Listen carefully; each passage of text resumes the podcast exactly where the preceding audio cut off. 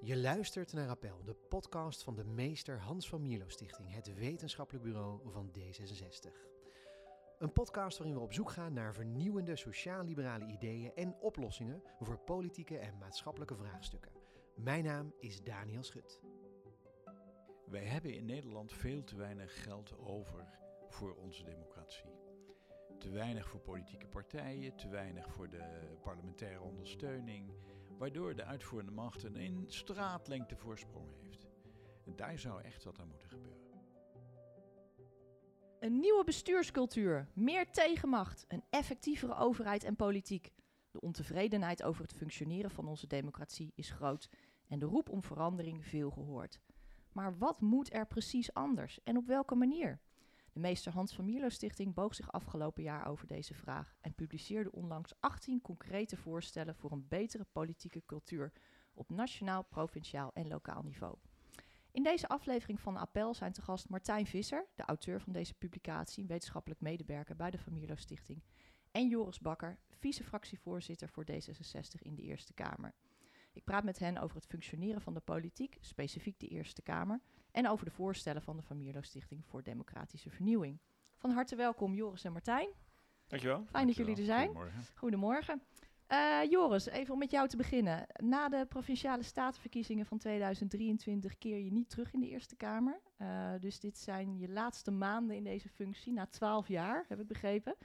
Ehm, wat is voor jou een van de hoogtepunten uit je periode als eh, Eerste Kamerlid? Nou, ik denk dat ehm, eh, een aantal debatten, eh, die ik me nog heel goed herinner, de rol als ondervoorzitter. Kan je En- een paar debatten, kan je een voorbeeld van zo'n debat Nou, ik, noemen? ik herinner me bijvoorbeeld een van de allereerste debatten, wat een hele principiële was, ging over de, het verbod op de onbedwelmde rituele slacht van de Ah. Partij voor de Dieren. En ik was pas een half jaar in de Kamer en dat was een heel beladen en eh, ingewikkeld debat. Ehm, maar ook, ook wel een debat, we komen straks misschien nog wel op, waarin de Kamer een, een belangrijke rol speelde. Maar de Eerste Kamer een belangrijke rol speelde. Ja, ja, ja. ik ben eh, vier jaar ondervoorzitter geweest en een jaar tijdelijk voorzitter. En dan leer je eh, de Eerste Kamer achter de schermen nog veel beter kennen. Mhm. Dat vond ik toch ook wel een hoogtepunt. Ehm, en ik vond het laatste, eh, wil ik toch wel noemen, het debat met de Rijksbegroting met Sigrid Kaag. Als eigen politieke leider. Mhm. Eh, om haar daar te zien en om daar zelf eh, zeg maar, op eh, toch best technische materie met haar te debatteren. Vond Ja. ik heel interessant. Ja, ja. Was dat, was dat ook, ook ingewikkeld, omdat het je eigen politiek leider was? Nee, vind ik niet. Het is meer nieuwsgierigheid. Ja. naar, hoe gaat zij het doen? Ja, ja. En wat was je oordeel? Heel goed. Ja. Heel goed. Mooi. Ja. Mooi, dankjewel. Eh Martijn, jij bent de auteur van het rapport Machtsbalans in de Nederlandse Democratie. Ehm, wat was eigenlijk de aanleiding voor dit onderzoek? Waarom ben je, dit, eh, ben je hierin gaan duiken? De directe aanleiding was eigenlijk eh, grote ophef in het politieke en publieke debat in Nederland. Uh, naar aanleiding van de val van eh, kabinet Rutte 3 en vervolgens de kabinetsformatie van eh, kabinet Rutte 4. De eindeloze kabinetsformatie. De eindeloze kabinetsformatie, Ja. ehm, eh, Pieter Omtzigt functie elders, eh, noem maar op. Er Het was 1 april eh, het, debat. Het 1 april debat, precies. Er was eh, enorm veel, veel ophef en er verschenen vervolgens in alle media erg veel analyses die riepen om meer tegenmacht, meer dualisme, ehm et cetera. En dat ging vaak heel erg hoog over. Dat bleef vaak bij hele grote woorden, maar heel weinig concrete invulling. En toen dacht ik, nou laat ik eens kijken eh, hoe we dat concrete invulling kunnen geven. Want met heel hoog over bedoel je, er werd gepleit voor verandering, zonder Precies. dat dat dan echt specifiek werd gemaakt wat er dan moest worden, wat er dan Precies. moest veranderen. Ja. Precies. Ik dacht, waar blijven de concrete voorstellen? Ja. En toen ben ik eh, eigenlijk, nou ja, de, de rapporten ingedoken, de literatuur ingedoken. En dan zie je dat er ongelooflijk veel voorstellen gewoon kant en klaar op tafel liggen, waar vrij weinig mee wordt gedaan. Dus ik ben gaan kijken van, nou, welke voorstellen zouden we kunnen gebruiken, die eigenlijk dus al gedaan worden in allerlei adviesrapporten. Denk bijvoorbeeld aan de Raad van State, eh, wetenschappelijke literatuur, commissies van de Tweede Kamer zelf, die we eh, kunnen gebruiken om, eh, om de, de machtsbalans eh, in Nederland te herstellen. Want dat er sprake is van een, een onbalans, die, die zorgen deelde ik inderdaad met nou ja, dus de, de bredere, het bredere maatschappelijke debat in Nederland. Mhm. En even, je zegt van hè, er lagen een heleboel concrete voorstellen eigenlijk al klaar om afgestoft te worden, want die zijn nooit gebruikt. Daar is, daar is weinig mee gedaan. Waarom is daar zo weinig mee gedaan? Ja, dat is een hele goede vraag. Dat, dat weet ik niet eh, zo goed. Ik zit zelf niet eh, direct aan, aan de, in de politieke vuurlinie. Nee. Ehm, maar er is denk ik tot op zekere hoogte altijd wel een, een bepaalde terughoudendheid voor ja, grootscheepse verandering en vernieuwing in de politiek. Eh, dat is misschien ook wel goed tot op zekere hoogte. Al te radicale experimenten moet je natuurlijk mee, mee oppassen. Ehm, en zeker in een polderland als Nederland ja, is democratische vernieuwing niet snel aan de orde van de dag. Mhm. Dus dat speelt zeker een rol. Daar komt ook bij dat als het gaat om de, de, de tegenmacht vanuit de burger, waar ik ook wel echt naar heb gekeken, niet alleen maar binnen de instituties zelf, maar ook echt de tegenmacht vanuit de, vanuit de burger, de, de bevolking. De roep om verandering? Of, of, of, Ja, dus de, de, nou, nee, ik bedoel niet de roep om verandering. Ik bedoel dus dat de, de machtsbalans niet alleen hersteld moet worden binnen de instituties zelf, maar ja. ook tussen de instituties en de Nederlandse bevolking. Als het gaat om het meer zeggenschap geven aan die burger, dan is er ook altijd een zekere terughoudendheid, zelfs bij vooruitstrevende partijen die toch enigszins bevreesd zijn dat er wellicht wat verkeerd zou gaan wanneer die burger te veel macht zou krijgen. Dus ook daar zie je een bepaalde terughoudendheid richting ja, ehm, democratisering in het algemeen. Zie je die ook bij D66? Zelfs bij D66 zie je af en toe die terughoudendheid. In het bijzonder, denk ik, heel recent, afgelopen zomer in het debat rondom het referendum. Ehm, daar, daar pleiten ze voor. Ehm, eh, maar toch zie je ehm, nou ja, de achterban van, van de partij. eh, en ook in het debat zelf zie je toch nog enige huivering terugkomen soms. Ehm, dat, de referen- oh, dat referendum heeft het opnieuw niet gehaald. Weer niet gehaald. hè? Eh, wat zeer spijtig is. Ehm, en ehm, nou ja, daar, eh, daar zie je die, eh, die, die, die huivering, die terughoudendheid duidelijk terugkomen. Ik zie Joris eh grinniken bij eh, Ja, het, nee, het woord een, spijtig van Martijn. Ik ben een verklaard tegenstander van het referendum. is ook nooit een oorspronkelijk D66-idee geweest. En eh, het voert misschien te ver om daar nu uitvoerig op in te gaan. Maar ik vind het niet passen in ons staatsbestel. wil ik toch wel even ehm, kort weten waarom. Omdat ik denk dat je een digitale ja-nee-vraag, want dat wordt het bijna altijd, daar heb je ook weer een meerderheid en een minderheid. En vervolgens moet in het poldermodel die uitkomst weer een vervolg krijgen. Dat hebben we ook gezien bij het Oekraïne-referendum. Daar moet in ons model de minderheid ook zijn plek weer in hebben. En dan komt er iets uit wat niet meer de digitale uitspraak was. En dan is iedereen teleurgesteld. De minderheid teleurgesteld heeft niet helemaal gekregen. De meerderheid van die dacht, nou hebben we eens een keer een flinke veeg uitgedeeld. En er is er weer niet naar geluisterd. Kortom, ik vind het niet goed inpasbaar in het Nederlandse politieke model. Heb ik altijd gevonden. Ehm, en, eh, ik, eh, maar ik denk dat er een ander punt is wat ik aan wil stippen als het mag. Eh, maar jij hebt de leiding van het gesprek. Eh, dat is de Eerste Kamer. dat is de Eerste Kamer. Nou, dat is een heel mooi bruggetje naar eh, de, de volgende vraag die ik inderdaad wil stellen. Straks wil ik nog wel even bij jou terugkomen op het eh, referendum. Want het is toch wel mooi om even van jou te horen waarom dat er volgens jou wel moet komen.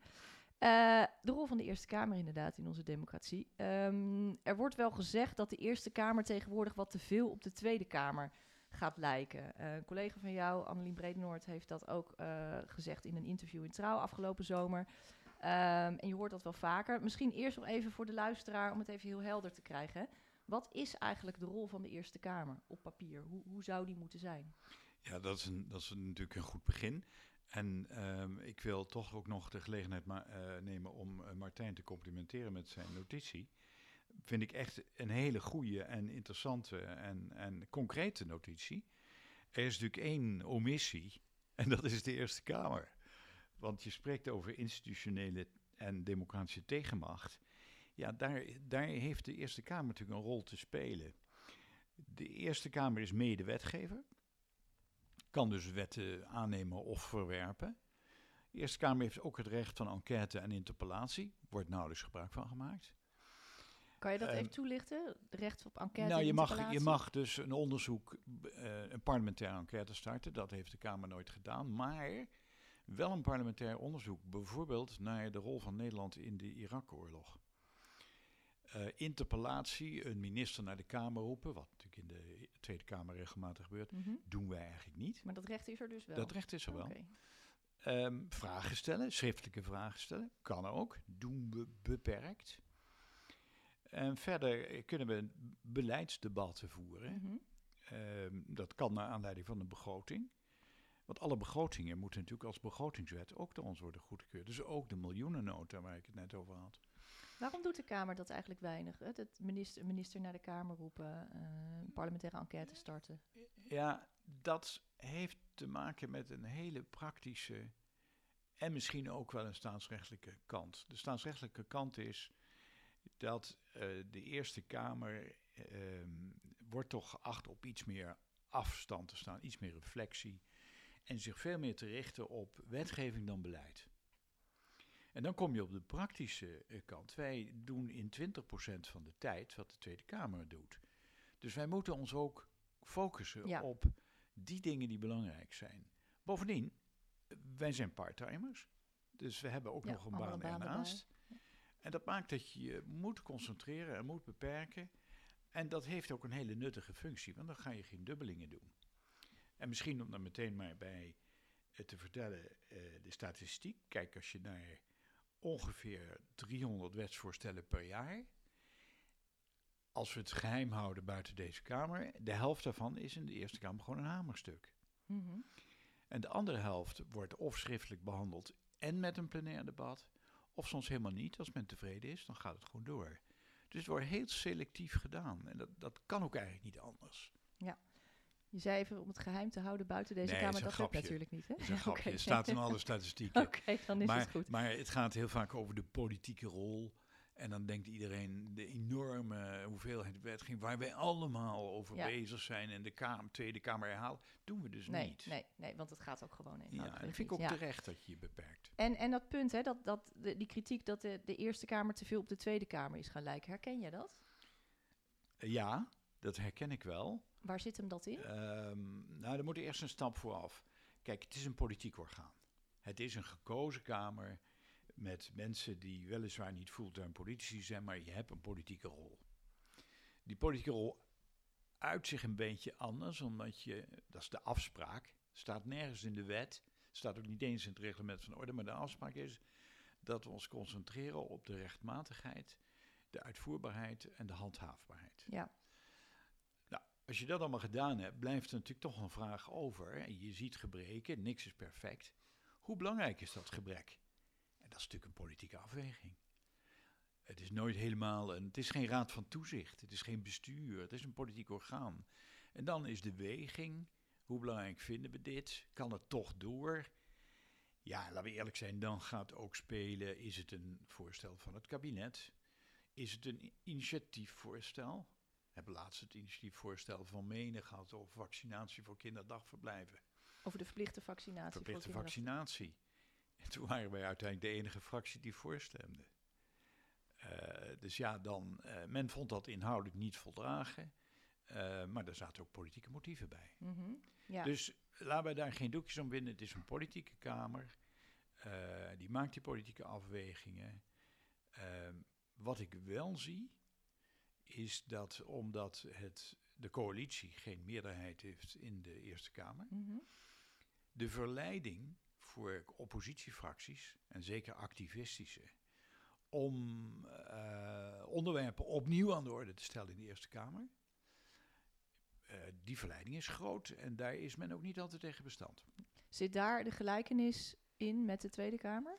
Ja, want het, het is zelfs zo dat er zijn moties die een de Partij voor de Dieren, de SP, hebben daar een handje van, om gewoon exact dezelfde motie opnieuw in te dienen en te rekenen op een nieuwe meerderheid. Mhm. En die is er soms. En dan krijg je dus, zoals onlangs gebeurde, een op zichzelf sympathiek voorstel om eh, een nultarief op groente en fruit, nul btw-tarief op groente en fruit eh, in te voeren. Dat is in de Tweede Kamer als amendement op de begroting verworpen. Mhm. Komt er een motie van de Partij voor de Dieren om het alsnog te doen. Ja, dan zit, de kamer, dan zit zowel de Eerste Kamer als het kabinet met een probleem. Want die motie zou je eigenlijk niet moeten uitvoeren. Waarom niet? Omdat de Tweede Kamer daar al over geoordeeld heeft. Want die motie kwam in de Eerste Kamer dus. Werd Ja, in de Eerste Kamer daarna. ingevoerd. Ja, Daarna. Ja. Daar heeft de Tweede Kamer al een oordeel in het Ja. geheel van de begroting. Ja. Het slaat een enorm gat. Want de BTW is een enorm hoge opbrengst in de begroting. Dus dan doe je een uitspraak zonder dat je dekking biedt. En dan denk ik, die verleiding had je moeten weerstaan. Martijn, herken jij deze analyse van Joris? Ik ben, eh, zoals Joris terecht heeft opgemerkt, geen, eh, eh, nou, heb ik de Eerste Kamer eh, weggelaten in mijn, in mijn publicatie. Ben Schande. ik zeker geen expert eh, als het komt op, het rol, op de rol en, de func- en het functioneren van de Eerste Kamer. Maar eh, ik denk dat, dat die analyse zeker, zeker hout snijdt. Eh, als het gaat om het feit dat er in de Eerste Kamer geen meerderheid is voor, eh, nou ja, de, de, als het gaat om de regeringsfracties. Eh, de- ook de hoeveelheid fracties is enorm toegenomen natuurlijk Ja. in de Eerste Kamer. Eh, we zien een toenemende trend van wat je zou kunnen noemen getuigenissenpolitiek. Dus inderdaad activistisch ingestelde politici die graag het podium willen claimen. eh, graag willen laten zien dat ze nou ja, verandering bewerkstelligen. Of dat in ieder geval proberen te doen. En op die manier ja, zich steeds eh, actiever en politieker ja, gaan mengen in het debat. En dat is denk ik ook echt wel een vrij principieel probleem. En Joris stipt het net al even aan. Dat het primaat van de politiek uiteindelijk bij de Tweede Kamer ligt. En de Eerste Kamer eh, heeft dat primaat niet. En wanneer Eerste Kamerleden zich wel zo gaan gedragen, kan er een best wel problematische padstelling ontstaan tussen Eerste en Tweede Kamer. Ehm, want er is in de wet eigenlijk daar niets om, omtrent geregeld. eh, wat er in dat geval gebeurt. Het is Mhm. ook vrij onduidelijk hoe het bijvoorbeeld zit met de, de vertrouwensregel tussen Eerste Kamer en, en kabinet. C- corrigeer me wanneer ik het verkeerd heb, eh, Joris. Ehm, dus wanneer, en, en wanneer eerste, eerste Kamerleden steeds meer moties indienen, steeds vaker de minister op het matje roepen, steeds vaker ook ja, echt het beleid gaan, gaan bedebatteren, dan ehm, wordt het steeds onduidelijker wie nou uiteindelijk de laatste stem heeft. Ja, het laatste woord heeft. En jij noemde al hè, het feit dat de coalitie heeft geen meerderheid meer in de Ja. Eerste Kamer. Toename van het aantal partijen. Zijn dat de belangrijkste oordeel, eh, oorzaken van, van, die van die rolverandering? Er zijn denk ik nog ehm, twee andere aspecten. Bij de laatste verkiezingen zag je dat ineens Forum voor Democratie met twaalf nieuwe leden binnenkwam wandelen. Daarvan had niemand ervaring. Vervolgens zijn ze in vier fracties uit elkaar gevallen. Dat doet iets met de manier waarop je werkt. Ehm, en en dat, dat verwijt ik ze niet, maar het is, een, het is ook ambachtelijk werk. Ja. En ehm, als je niet in je eigen fractie één of twee mensen hebt, en ik, ja, degene die langer meelopen zoals ik, hebben die rol ook een beetje. Om te zeggen, nee, ik zou het zo doen, ik zou het zo doen. Dit is niet het moment, eh, dit is ook niet onze rol. Als die ontbreken, dan krijg je een neiging om te doen wat je ook in andere gremia doet. En heel veel van deze leden, en ook bij de PVV, zijn ook nog eens lid van de Provinciale Staten. En sommigen zelfs ook nog eens lid van een gemeenteraad. Dus dat doet iets met de, met de, de rolopvatting in de Eerste Kamer. Ehm, en ja, kijk, de verleiding noemde ik net. Wij hebben ook wel eens een keer. eh, ik herinner mij het belastingplan in 2016. Hebben we ook iets afgedwongen. Als ik daarop Niet, terugkijk. niets menselijks is. eh, ja, als ik daarop is terugkijk, denk ik eigenlijk niet goed. Maar oké. Ja, Eh, maar ik denk dat je, eh, Martijn zegt iets belangrijks, de vertrouwensregel. In principe geldt de vertrouwensregel niet voor de Eerste Kamer. wat houdt die vertrouwensregel Dat- in voor dat, de luisteraar? Dat, dat houdt in voor de, voor de luisteraar dat het kabinet kan niet door als het, het vertrouwen van de Tweede Kamer verliest, van de meerderheid van de Tweede Kamer verliest. Alle moties van Wilders om eh, moties van wantrouwen zijn erop gericht om in feite de vertrouwensregel in te roepen en dan te laten zien dat die niet meer bestaat. Nou, Ja. dat, dat werkt niet, want er is nog altijd een meerderheid. In de Eerste Kamer geldt die regel niet. Dat is afspraak, dat is conventie, dat staat nergens. Ongeschreven staatsrecht. Dus wij kunnen van alles vinden. Het kabinet heeft uiteindelijk te rekening te houden met het primaat van de Tweede Kamer. En daarom vind ik dat soort rolvervaging ook onverstandig, omdat je holt denk ik die vertrouwensregel niet uit, maar je rolt je eigen toegevoegde waarde uit.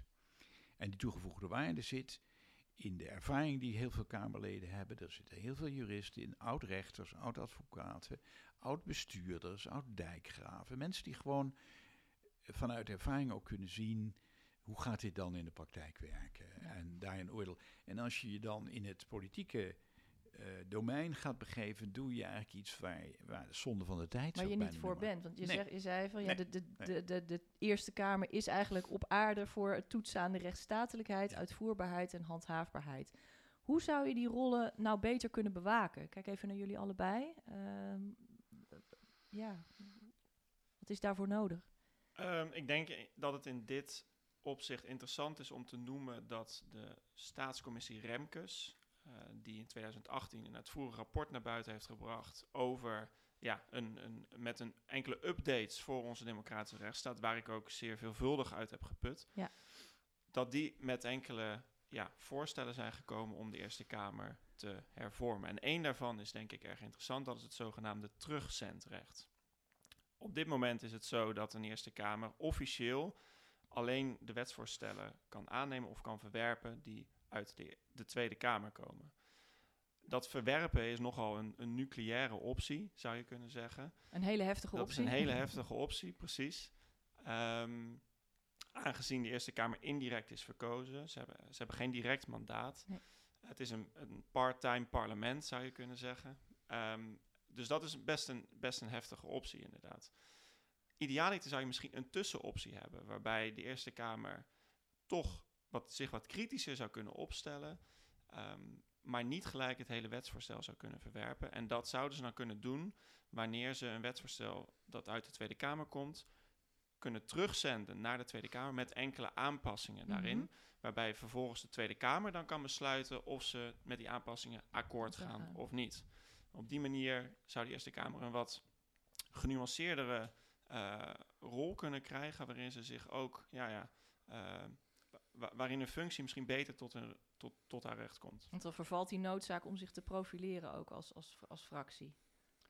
Misschien meer als individuele fractie. Ja, dat denk ik wel. Ik denk dat, dat, dat dan ook de focus van het werk misschien meer komt te liggen op die uh, rechtmatigheid, handhaafbaarheid en uitvoerbaarheid, omdat ze daar ook dan meer instrumenten voor krijgen. Ja.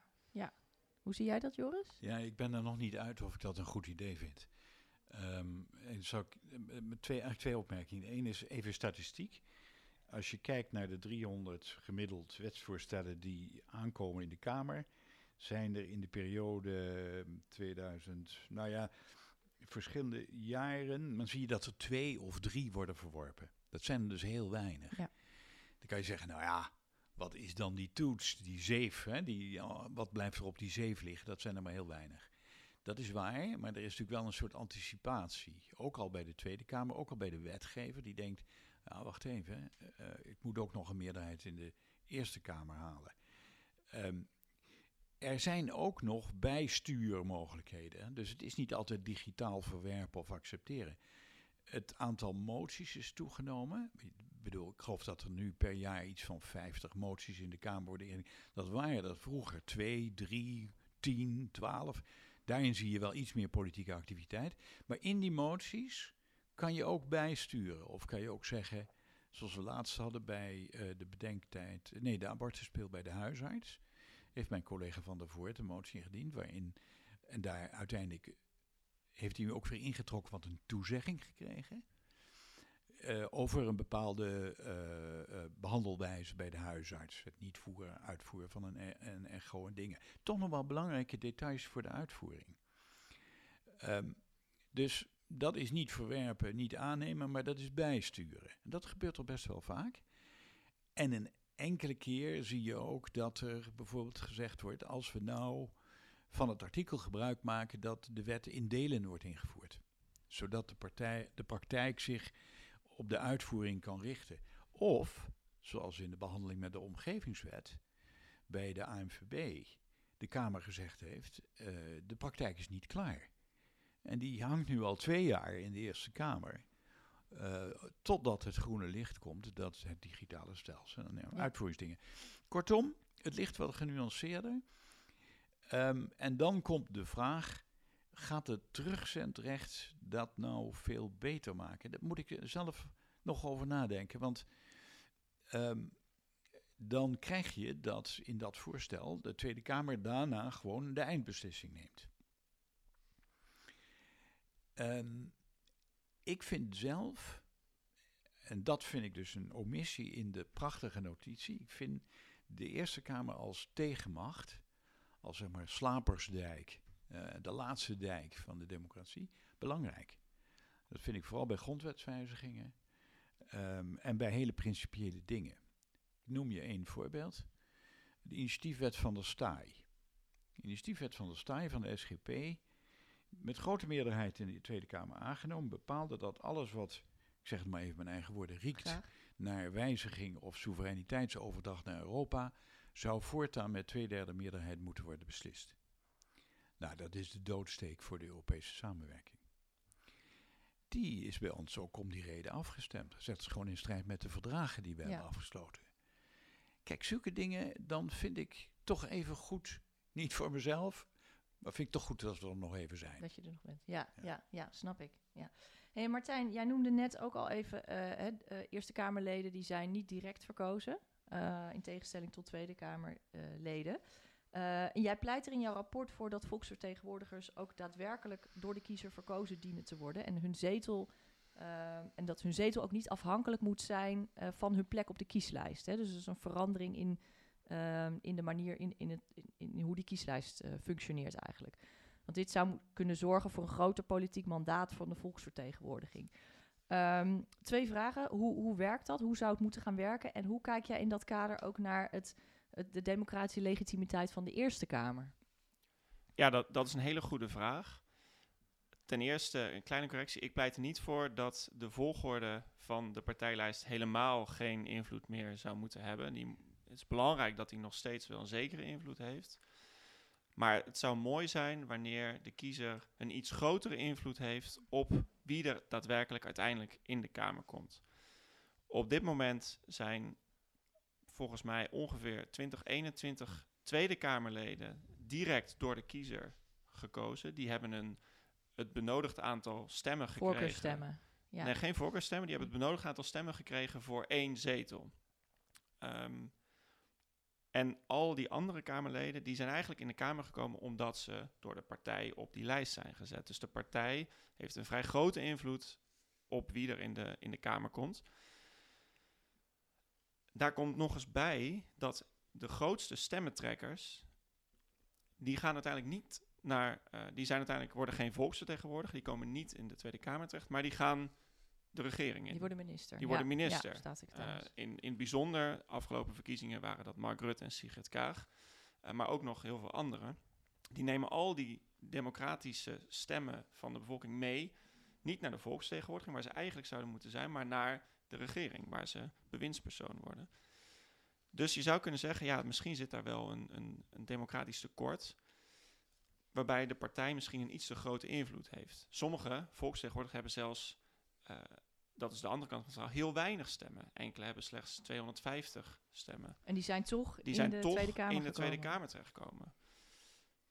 Nou is het heel gevaarlijk om de democratische legitimiteit van individueel gekozen volksvertegenwoordigers ter discussie te stellen. Maar er is ook goed nieuws. Er ligt op dit moment een wetsvoorstel klaar om de kiezer meer invloed te geven. En dat gaat dan als volgt. De kiezer krijgt met dat wetsvoorstel een keuze in het stemhokje tussen ofwel een partijstem, waarop de kiezer stemt op eigenlijk de partij als geheel en op de volgorde van de lijst zoals die door de partij is bepaald, of de kiezer stemt op een individuele volksvertegenwoordiger.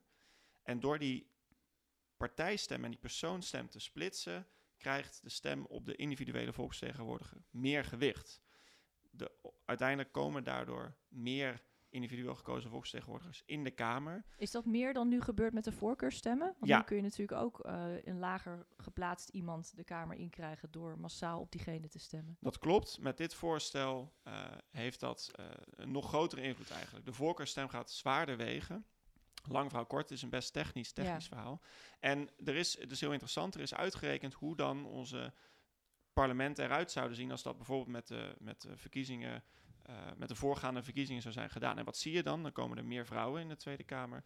Er komen dan eh, meer mensen ook van buiten de Randstad eh, in de Tweede Kamer. Dus je krijgt ook een betere regionale afspiegeling. Wat nou ja, een, een sterker democratisch mandaat Ja. kan betekenen. Ja. Als het gaat om de Eerste Kamer, dat was natuurlijk ook je vraag. Ja, Ehm, want we gaan natuurlijk straks weer naar de stembus in maart. Dan kiezen we voor de provinciale staten. En daar worden dan de Eerste Kamerleden uit. eh, die komen daaruit voort. Precies. benoemd. ik denk dat het heel belangrijk is dat die Eerste Kamer ehm, niet direct verkozen wordt. Dus er moet een indirecte tussenstap tussen zitten om die Eerste Kamer op afstand te, te blijven houden. Dus ik denk dat het geen goed idee is ehm, om dan maar die, die, die Eerste Kamer direct eh, te kiezen. Waarom dan? Nou, wat je dan krijgt, is dat er twee mandaten, twee directe mandaten zijn in ons politieke systeem. En wanneer dan die, dat gaat goed zolang ze het met elkaar eens zijn, maar wanneer ze het niet met elkaar eens zijn, dan kunnen beide zich beroepen op een direct kiezersmandaat. En Ja. dan is het niet duidelijk wie uiteindelijk het laatste woord heeft. Dat is ook de reden waarom een direct gekozen minister-president, om een ander voorbeeld te noemen, ook problematisch kan zijn in een parlementair stelsel waar het primaat toch bij de Tweede Kamer ligt. Dus het lijkt mij geen goed idee om de Eerste Kamer direct te verkiezen. Je zou na kunnen denken over andere eh, ja, kiesmethoden voor die Eerste Kamer. Een veelgehoord voorstel is bijvoorbeeld het, eh, of veel gehoord, het, je komt het wel eens tegen, is om de Eerste Kamer bijvoorbeeld te laten kiezen door gemeenteraadsleden in plaats van statenleden. Dat zou misschien nou ja, een beter democratisch mandaat opleveren. Maar dat laat ik graag over aan de ervaringsexpert eh, hier in de Kamer. Ehm, maar het is belangrijk, denk ik, dus dat die op afstand staat. Dat betekent natuurlijk niet dat we de statenleden niet wel via dat nieuwe kiessysteem zouden kunnen kiezen. Dus wat jij voor de Tweede Kamer ook eh Ja, dat zou- eigenlijk. Het wetsvoorstel bepleit ook dat dat op, voor alle Alle verkiezingen niveaus. geldt. Ja, ja. Ja. Joris. Ja, de, het mandaat van de Eerste Kamer is altijd problematisch geweest. Eh, zeker in D66. Dat was ook de reden waarom we er altijd zo eh, negatief over zijn geweest. We hebben er overigens altijd in gezeten. Eh, ook altijd zeer actief meegedaan. Ehm, zelf vind ik dat eigenlijk niet het grootste probleem, omdat mijn analyse, je hebt dat zelf in, de, in, de, in het manifest ook beschreven, of heet het geen manifest? Laten we het een Het- publicatie de noemen. publicatie beschreven dat ehm, eh, de- het, er zijn zoveel verbeteringen aan te brengen in, in de functionering van de democratie. We hebben traditioneel altijd heel veel nadruk gelegd op de kiezer en de gekozenen en dat mandaat. Ik ben in de loop van mijn politieke betrokkenheid dat wat gaan relativeren. En ja, het mandaat van de Eerste Kamer is dus eigenlijk heel eh, beperkt. Maar, maar daarom moeten wij ons ook selectief gedra- moeten wij ook selectief blijven. En moeten wij ons concentreren op waar we goed in zijn. Ehm, het mandaat wordt iets verbeterd, omdat de Nederlanders in het buitenland nu in een kiescollege vertegenwoordigd zijn. Dat is ongeveer de enige innovatie van het kiessysteem voor de Eerste Kamer. Dat gaat nu voor het eerst in. Dus die stemmen gaan niet meer verloren. Dat is dan al wel een verbetering. Ehm, provinciale statenverkiezingen zijn best nog goed uit te leggen. Ik heb altijd gemerkt dat mensen niet begrijpen hoe die Eerste Kamer dan uiteindelijk wordt gekozen. Ehm, maar tegelijkertijd, dat vind ik, heb ik nooit in al die elf jaar van mensen gehoord, ja, dat vinden wij ook problematisch. Eh, ze waren gewoon geïnteresseerd in wat we doen.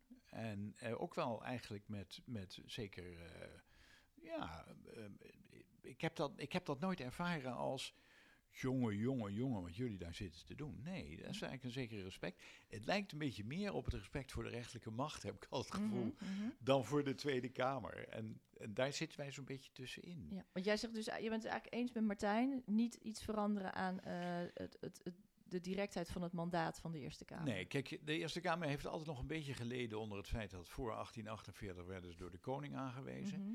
Daarna in de grondwet eh, op verschillende manieren en ook in verschillende aantallen. eh, tot we uiteindelijk dus op 75 zijn gekomen, de helft.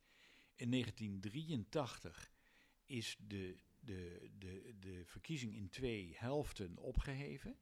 Toen heeft onze senator Jan Vis van D66 gezegd: Kijk uit wat je wenst. Want nu wordt de verkiezing al veel meer een afspiegeling van de kiezersopvatting. halverwege de rit van een Tweede Kamer. Dus je zou het misschien gelijk moeten trekken eigenlijk. Op hetzelfde moment. Maar, en hij heeft ook wel een beetje gelijk gekregen, want daardoor is er wel meer naar die Eerste Kamer gekeken. Nou, nu is er weer een gedachte om het weer op te splitsen in twee helften. Dus de ene helft kies je dan en drie jaar later geloof ik de andere helft. Dat blijft allemaal een beetje uh, uh, courier symptoom natuurlijk. Um, ik denk dat um, Nederland is bestuurlijk toch eigenlijk een heel conservatief land. Ik denk dat er voorlopig weinig gaat veranderen. Um, maar de Eerste Kamer kan eraan bijdragen om, om zichzelf respectabel te houden door zijn rol goed te vervullen. Mm -hmm. Dus één opmerking misschien, Suzanne, mag ik nog maken. Je ziet dat in het debat over de opheffing van de Eerste Kamer uh, de, de voorkeuren van links naar rechts zijn verschoven. De laatste moties om de Eerste Kamer op te heffen zijn allemaal ingediend door of Forum of door de, de PVV. Mm -hmm. Dat moet ons te denken geven. Dat moet ons te denken geven. Ligt dat eens toe?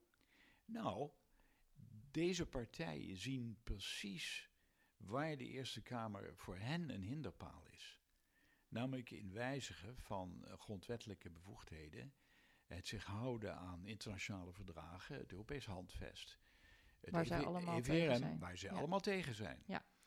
En daarom zeg ik niet voor niks, zie ik de Eerste Kamer in dit tijdsgevricht heel anders dan in de jaren dat we dachten dat we uh, het verstofte en, en vastgeroeste Nederlandse bestel moesten op, opschudden. Wat we ook gedaan hebben. Mm -hmm. Nu praat je als D66, als even D66 hè? Ja. Maar wij hebben ook heel veel bereikt. En dat vergeten we wel eens. Er is heel veel te verdedigen. En daarom is het van links naar rechts verschoven. -hmm. Want uh, dat is een mooi bruggetje inderdaad naar mijn volgende vraag. D66 is eigenlijk al heel lang voor het afschaffen van de Eerste Kamer. Uh, ook in het meest recente verkiezingsprogramma stelt de partij voor um, om uh, rechters de mogelijkheid te geven wetten te toetsen aan de grondwet, waarmee een Eerste Kamer eigenlijk overbodig uh, zou zijn en afgeschaft zou kunnen worden. Jij vindt dat, hoe, hoe, sta jij daar tegenover? Nou, ik heb, ik heb daarin als vroegere voorzitter van de programmacommissie ook nog wel een geschiedenis. Want toen in 2006 en 2010 heb ik dat gedaan en toen kregen we dus de vraag. Ik was niet zo voor die hele bestuurlijke vernieuwing. Ik vond niet dat dat de toekomst van de partij zou moeten bepalen.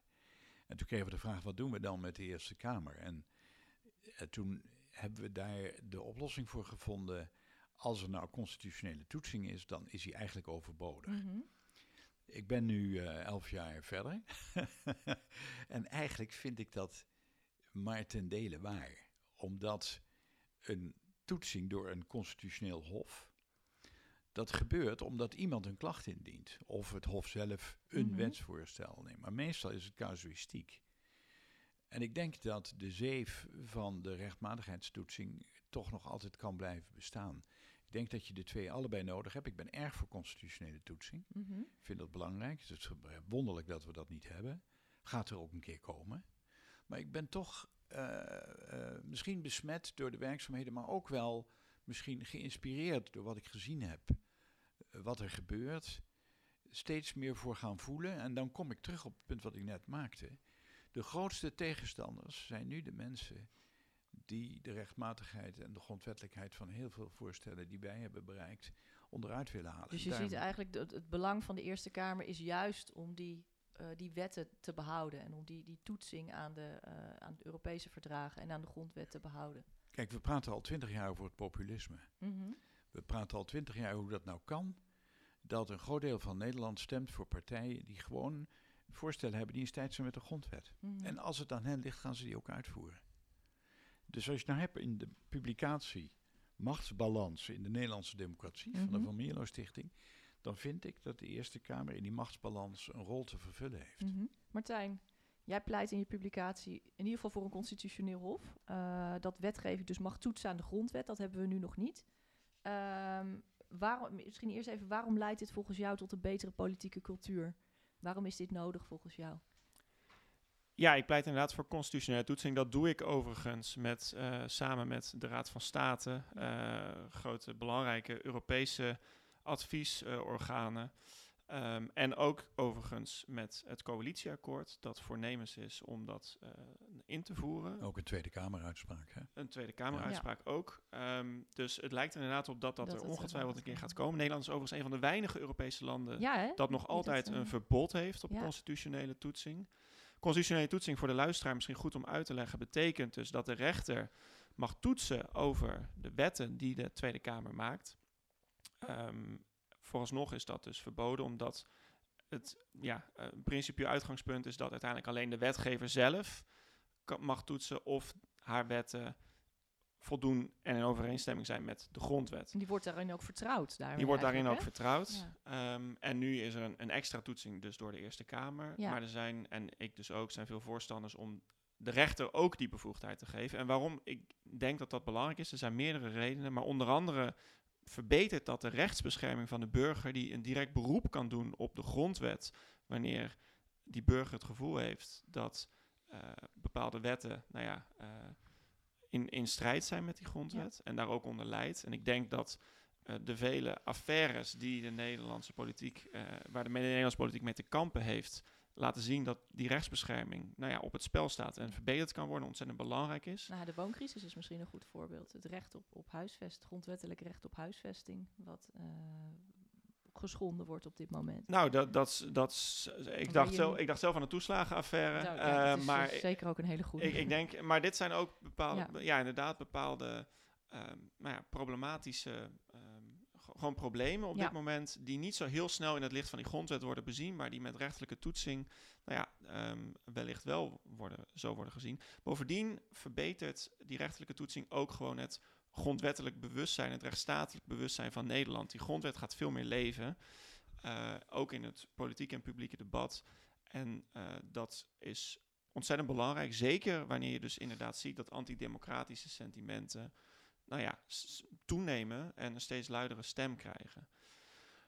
Tot slot zou je ook kunnen zeggen dat grondwettelijke toetsing op een bepaalde manier ook een anticiperende werking heeft bij de wetgever, die met die mogelijkheid van die toetsing in het achterhoofd nog secuurder gaat kijken naar de wetten die zij maakt. Meer kijken van houden we onszelf wel eigenlijk aan de grondwet en mag dit wel dit wetsvoorstel wat we willen mag dat eigenlijk is dat wel grondwettelijk? Precies, dus dat Ja. zijn allemaal redenen om grondwettelijke toetsing in te voeren. Daarbij is het Mhm. dan de vraag, moet je een constitutioneel hof optuigen om die toetsing mogelijk te maken? Of geef je gewoon de individuele rechter de bevoegdheid om dat Mhm. te doen?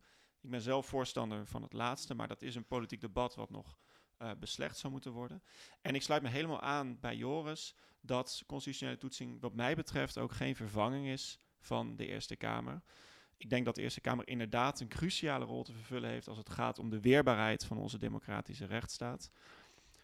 En de, de stemmen om de Eerste Kamer af te schaffen zijn inderdaad opvallend genoeg verschoven eigenlijk van eh, liberaal, moet je misschien wel zeggen, naar eh, rechtspopulistisch.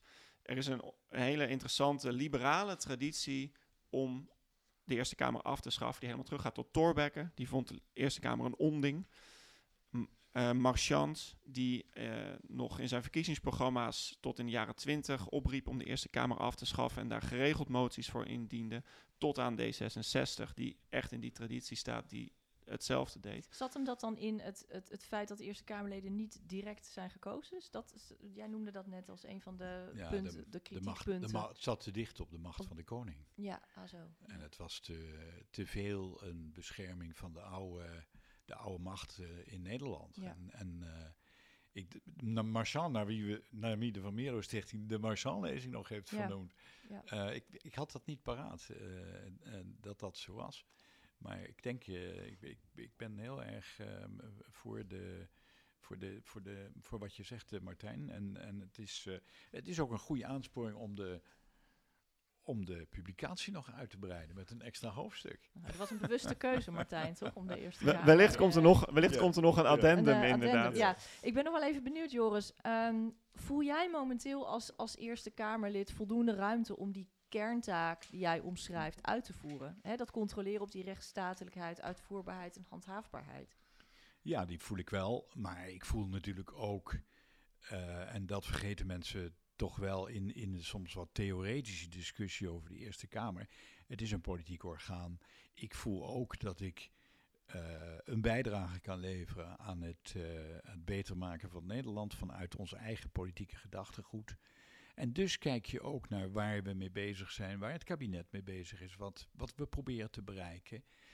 En dan eh, tegen die achtergrond doe je, doe je die toetsing. Je doet dat niet in het luchtledige. Daar wordt veel te, eh, veel eh, theoretisch over gesproken. Het is een politieke rol die je vervult.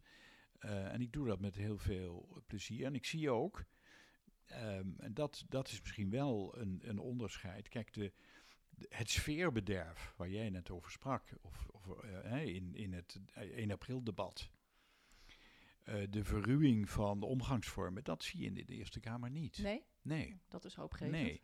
En daardoor kan je ook nog wel eens hebben, en dat is, uh, dat is ook, ook echt ook stimulerend. Dus doe je het graag? Ja, ik doe het graag. Je kan ook in debatten hebben dat nou, mensen niet zeggen... Niet zozeer doe je het graag, maar voel je de ruimte om het te doen op de manier zoals jij vindt dat de Eerste Kamer zou ja. moeten functioneren. Ja, ja. En, en, en dat je ook meemaakt in, in commissievergaderingen of in plenaire debatten dat mensen nog van standpunt veranderen. En zeggen, god ja, dat is eigenlijk een heel goed punt. Ja, wat verfrissend. Ja. Wat heerlijk. Ja, ja. en wat misschien onderbelicht blijft, toch nog even dat punt maken, is hoeveel initiatiefwetten er, uh, als je nou hebben over machtsbalans.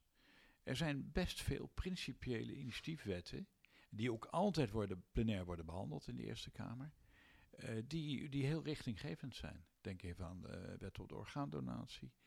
Uh, en, en nu net zo over de waterschappen. Misschien een klein ding, maar het is wel de oudste bestuurslaag. En in die debatten zie je eigenlijk, is geen coalitiedwang. Daar zie je hele verschillende coalities ontstaan. Dat vind ik ook wel weer mooi. Ja, ja zeker. Ja. En het punt van um, de toegenomen werkdruk, dat is een van de zaken waar jij over schrijft in je publicatie, uh, Martijn. Um, Hè, jij betoogt dat er meer Tweede Kamerleden en ondersteuning ook voor die Kamerleden moet zijn. Om, om hun, uh, voor de Tweede Kamer om die vertegenwoordigende, controlerende en wetgevende taak beter uit te voeren. Uh, nou, jij stipte al aan, hè, jullie zijn parttime politici en hebben 300 uh, voorstellen per jaar te, te, te, behandelen. Herken je ook die toegenomen werkdruk in de Eerste Kamer? En zou je iets met die voorstellen van Martijn kunnen? Zou, zouden die ook naar de Eerste Kamer te vertalen zijn? Ja, Um, ik herken dat zeker. Als mensen mij vragen wat valt je nou op aan, de, aan het politieke bedrijf, uh, dan zeg ik de complexiteit. Um, en dat maakt ook een beetje het punt van die kiezer en gekozene minder relevant, vind ik, dan de relatie tussen de bestuurder en, en, de, en de burger. Die complexiteit zie je eigenlijk in alles terugkeren. En dat maakt dat het dus ook uh, uh, ja, veel eisend is bij de behandeling. Kijk, toen ik in het, uh, in het, uh, in het bestuur van de eerste als ondervoorzitter had, toen zag ik voor het eerst onze begroting. 13 miljoen, ik geloof nu 17 miljoen. We zijn de kleinste en goedkoopste senaat ter wereld. Die wel met een iPad werkt trouwens, zo modern zijn we dan wel. um, en, en ja, je, je, je, zou, je zou ons en mijn opvolgers meer ondersteuning toewensen. We ja. hebben een hele goede griffie. Maar voor het werk dat je doet, is het eigenlijk uh, toch heel uh, karig. En dat is een, een, punt dat Martijn ook in de publicatie aanstipt. Wij hebben in Nederland veel te weinig geld over voor onze democratie. Te weinig voor politieke partijen, te weinig voor de parlementaire ondersteuning, waardoor de uitvoerende macht een in straatlengte voorsprong heeft. En daar zou echt wat aan moeten gebeuren. Waardoor komt dat, denk jij, Martijn? Ben je dat in jouw onderzoek, uh, ben je daar een oorzaak voor tegengekomen? Waarom, de, Waarom we zo weinig geld over hebben eigenlijk, of te weinig geld over hebben voor onze democratie? Ja, ik denk omdat er... Um, ik denk omdat politici en bestuurders heel bang zijn om het, het beeld te creëren dat ze zichzelf zouden verrijken. Ja. Is mijn vermoeden. Uh, en ik, ik zie Joris knikken. Um, de, veel politieke, zeker de populistischere politieke partijen, uh, die pleiten vaak juist voor minder geld. Voor een kleinere Tweede Kamer, voor minder geld naar politieke partijen.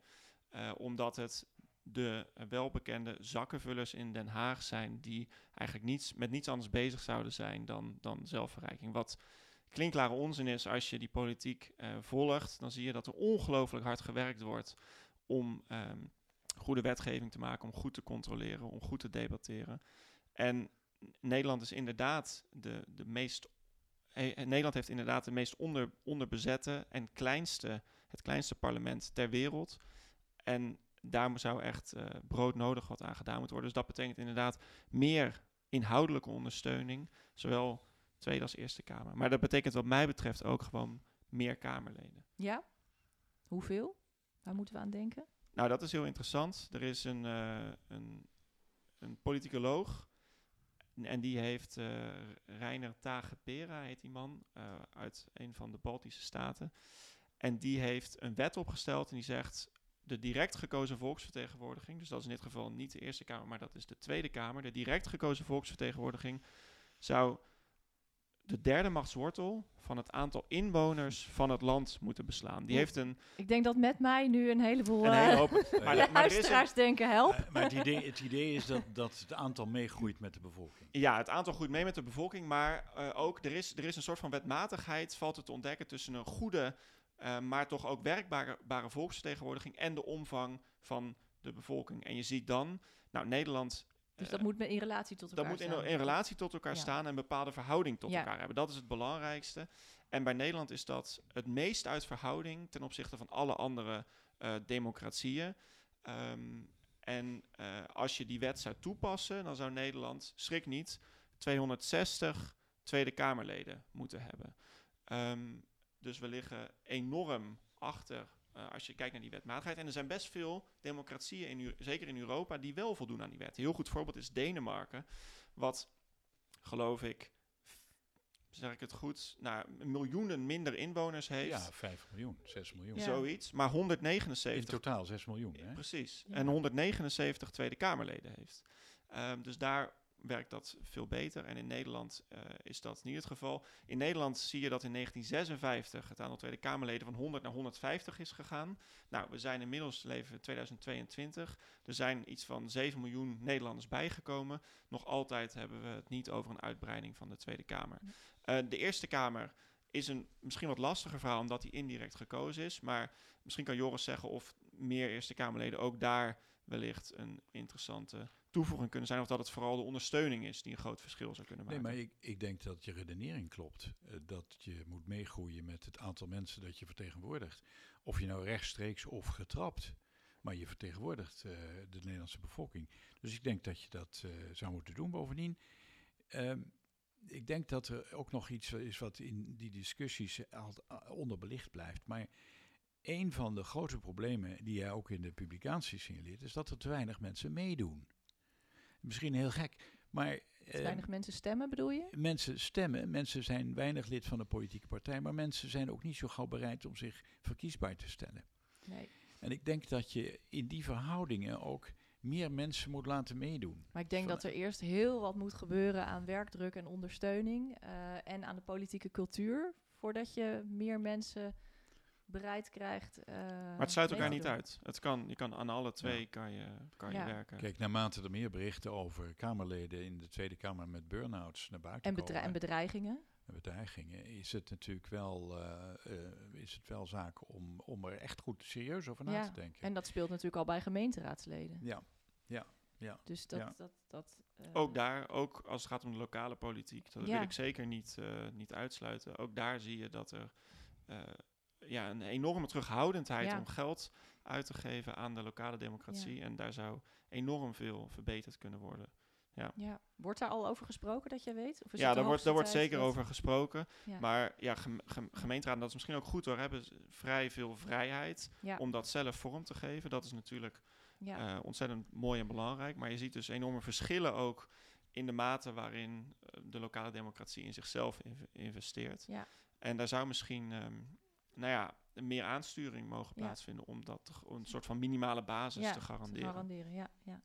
Nog even, want u stipte in het begin al even aan eh, de tegenmacht vanuit de burgers zelf. Eh, toen kwamen we al snel op het referendum. En we eindigden dat onderwerp bij de repliek van Joris. Maar ik wil nog heel graag even van jou horen. Waarom is een referendum zo'n goed idee? En dan hebben we het over wat voor type referendum? Ja, dat is misschien goed om te zeggen. Er zijn heel veel verschillende Ja. soorten referenda. Er is een enorm palet. Maar in dit geval hebben we het over een correctief bindend referendum. Wat betekent dat gemaakte wetgeving door ons parlement door een bepaalde eh, omvang van de bevolking, van de kiesrechte bevolking, kan worden teruggeroepen, kan worden herroepen eh, wanneer zij daar eh, ja, het initiatief nemen om daar een referendum over te organiseren. Dat initiatief ligt dan ook bij de bevolking. Bij de er moet een bevolking, bepaalde kritische massa zijn om zo'n referendum te organiseren. En wanneer dan een bepaalde meerderheid, dat kan een gekwalificeerde meerderheid zijn, ehm, voor afschaffing stemt, dan wordt ja, de wet eigenlijk weggestemd. En het klopt tot op zekere hoogte dat dat op gespannen voet staat met onze vertegenwoordigende democratie, waarin we eigenlijk natuurlijk een mandaat geven, een vrij mandaat aan onze volksvertegenwoordigers en ook bestuurders om ons land eh, ja, in goede banen te leiden. Dit is een vorm van directe democratie, waarin eigenlijk de individuele burger ineens een directe stem krijgt in het beleid. Maar toch denk ik dat dat goed is om te doen. Ik denk, het klopt dat D66 in eerste instantie nooit direct voorstander is geweest. Uh, maar D66 is altijd wel voorstander geweest om meer kanalen te graven van de burger naar de macht. En ik denk dat het referendum zo'n kanaal kan zijn. Ik denk dat wanneer daar goede afspraken over gemaakt worden, het ook prima samen kan functioneren met een vertegenwoordigende democratie. Ik denk ook dat er een bepaalde cultuur moet ontstaan waarin dat gebruikelijk wordt. Er moet mee geoefend worden. Uh, dat er een paar keer fout is gegaan, betekent niet gelijk dat dat dan maar van de baan moet, moet zijn. misschien in een manier waarop het werd ingericht. Ja, en ik denk ook uh, dat er um, enorm veel ja, randvoorwaarden goed op een plek moeten zijn om dat goed te kunnen laten werken. Dus Ja. de bevolking moet goed geïnformeerd worden. Over de vraagstelling moet heel erg goed nagedacht worden. Er zou zelfs voor gekozen kunnen worden om een zogenaamd preferendum te organiseren. Waarin je voorkeur kan aangeven voor verschillende opties. Het hoeft niet een binaire ja-nee keuze te zijn. Het kan georganiseerd worden in combinatie met bijvoorbeeld burgerfora, waarin Ja. nog eens beraadslaagd wordt door een bredere groep van de bevolking. Zo zijn er allemaal mengvormen denkbaar om dus de burger meer zeggenschap te laten geven. En er zijn mensen die zeggen dat wordt één groot rommeltje. Eh, laten we het nou alsjeblieft houden gewoon bij die volksvertegenwoordigers. Maar ik denk juist in de 21ste eeuw, anno 2022, dat een mengvorm, eh, een zogenaamde gemengde democratie van verschillende vormen, eh, enorm waardevol kan zijn. Joris, nog een reactie van jou? Ja, maar ik verander mijn mening daar niet over. Ehm, Het was nog wel zo'n mooi betoog. Ja, het is een heel mooi betoog. Maar daar klinkt ook door met hoeveel mitsen en maren en veronderstellingen en beperkingen. En dat heb je ook gezien bij het consultatief referendum. Ja, daar was het D66-congres echt voor, maar niet over verdragen en niet over andere dingen. Dus we, zijn, we willen het wel, maar we willen het ook niet. En waarom we het niet willen, weet ik heel goed. Omdat het heel slecht inpasbaar is. En omdat, maar dat is mijn persoonlijke analyse. En dat is ook, vind ik, het gebrek aan de, uh, aan de analyse van de commissie uh, Remkes. Het onbehagen zit daar niet. Het onbehagen is veel breder en veel uh, algemener dan dat er. Ik vind ook de, de stap die de commissie Remkes maakt van de afgehaakte kiezer of de onderzoeker naar de SCP naar de directe. Alsof, en dat is de veronderstelling, alsof dat de remedie is die zal brengen wat men denkt. Dat zal misschien, het is daar een is onderdeel, empirisch, hè, daar is empirisch geen enkel bewijs voor. Ik geloof daar dus gewoon niet in. En ik ben daar ook een, eh, een geharnaste tegenstander van. Maar het is goed voor het debat. Precies. Mag ik nog even zeggen dat er wel een ruime meerderheid van de bevolking groot voorstander is van het correctief bindend referendum. Ja, dat verbaast me niks. Nou, we kunnen hier nog uren over doorpraten. Eh, we gaan toch even naar de eh, vaste slotvraag eh, voor deze uitzending. Stel, jullie waren minister van Binnenlandse Zaken. Welk aspect van onze democratie zouden jullie onmiddellijk morgen veranderen? Als je één ding zou moeten kiezen wat meteen anders zou moeten. En dat kan dus ook toe, iets toevoegen of iets schrappen of iets veranderen. Eh, Joris. Ik zou onmiddellijk een wet op de politieke partijen invoeren. Eh, want ik vind dat een enorm gemis. En in die wet zou niet alleen het, zeg maar, de voortrein die nu is gepasseerd over de financiering en de transparantie van financiering moeten staan. Ehm, maar ook ehm, eh, eisen stellen aan de interne democratie. Want een deel van eh, het onbehagen wat er is en wat wordt benut door eh, populistische partijen, wordt gedaan door de partijen die intern geen enkele democratie kennen. En ik denk dat het belangrijk is, ehm, de Duitsers hebben een dergelijk voorschrift, zelfs in de grondwet. Wij hebben dat niet geregeld, dat hoeft allemaal niet. Dat zou een van mijn dingen. Nou, vervolgens zou dus de financiering omhoog gaan. En zou er veel beter nagedacht moeten worden, maar daar heb ik nog niet met precies een oplossing voor. Maar tegen die tijd heb ik dan hele goede ambtenaren. Heel veel, veel meer. Heel ook. veel goede Ja. ambtenaren die daarover nadenken. Hoe je de relatie legt naar de groei van lokale partijen naar landelijk. Dat vind Ja. ik wel een issue dat op een of andere manier in die wet op de politieke partijen een plek moet krijgen. Interessant punt. Dankjewel. Martijn. Ja, ik, eh, ik sluit me natuurlijk volledig aan bij, eh, bij Joris Betoog voor een wet op de politieke partijen. Ik kom met een, een iets eh, misschien vergezochter voorstel, maar net zo belangrijk, denk ik.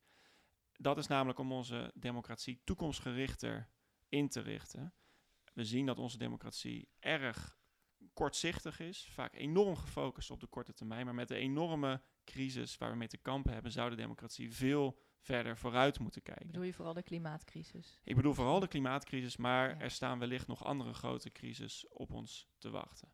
En ik zou eh, een manier om dat te doen, en ik denk dat dat een heel interessant experiment is, waar ook in andere landen op dit moment druk over gesproken wordt, maar waar in Nederland eigenlijk nog nauwelijks debat over is, dat is om een zogenaamde geloten toekomstkamer in te stellen.